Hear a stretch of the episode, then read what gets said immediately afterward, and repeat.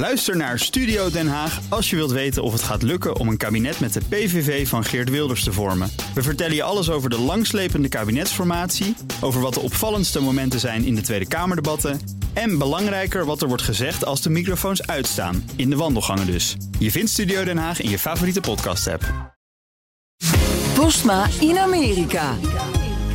Voor het laatste nieuws gaan we uiteraard naar onze eigen correspondent Jan Postma in Washington. Jan, wat is de laatste stand van zaken? Waar wordt nog geteld? Nou, eh, toch maar even beginnen bij het Huis van Afgevaardigden. Daar staat nog heel wat open, maar daarvan weten we natuurlijk dat de Republikeinen waarschijnlijk een kleine meerderheid krijgen daar. Daar is niet veel veranderd. Uh, de Senaat, ja, dan komen we uit bij Arizona en Nevada, allebei too close to call.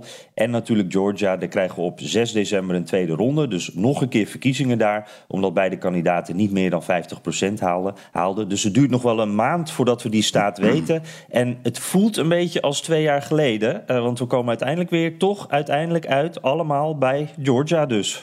Ja, President Biden reageerde voor het eerst op de tussenstand. Die, die spinde het nog net niet naar een overwinning. Ja, hij uh, erkende wel dat de Democraten uh, nou, waarschijnlijk de meerderheid in het huis gaan verliezen. Maar het was toch vooral uh, een soort opluchting. Hij was vooral tevreden dat het verlies mee lijkt te vallen. While the press and the pundits are predicting a giant red wave, uh, it didn't happen. And I know you were somewhat miffed by my, uh, my uh, obsessive optimism, but I felt good during the whole process. I thought we were going to do fine. While any seat lost is painful, some good Democrats didn't win the last night. Democrats had a strong night. Ja, en uh, daarna benadrukt hij nog dat het, uh, dit de positiefste cijfers waren voor een uh, zittende president. Ik geloof in 40 jaar, zei hij. Ik kwam zelf tot 20 jaar. maar goed, het is positief. En hij zegt een beetje eigenlijk, I told you so.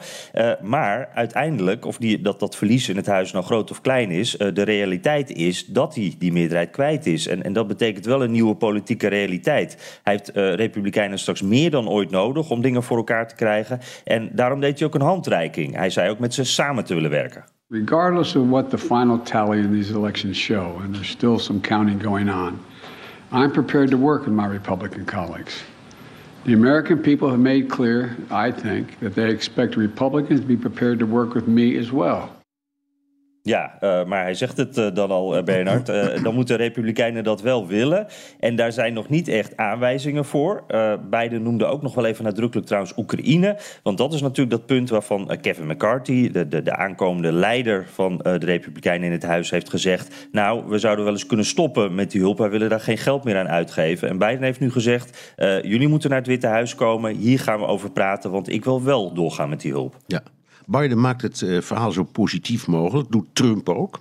Het viel allemaal wat tegen voor de Republikeinen, maar Trump claimt de overwinning. Ja, hij, hij had een, een, berichtje op zijn eigen social media platform, hè, Truth Social.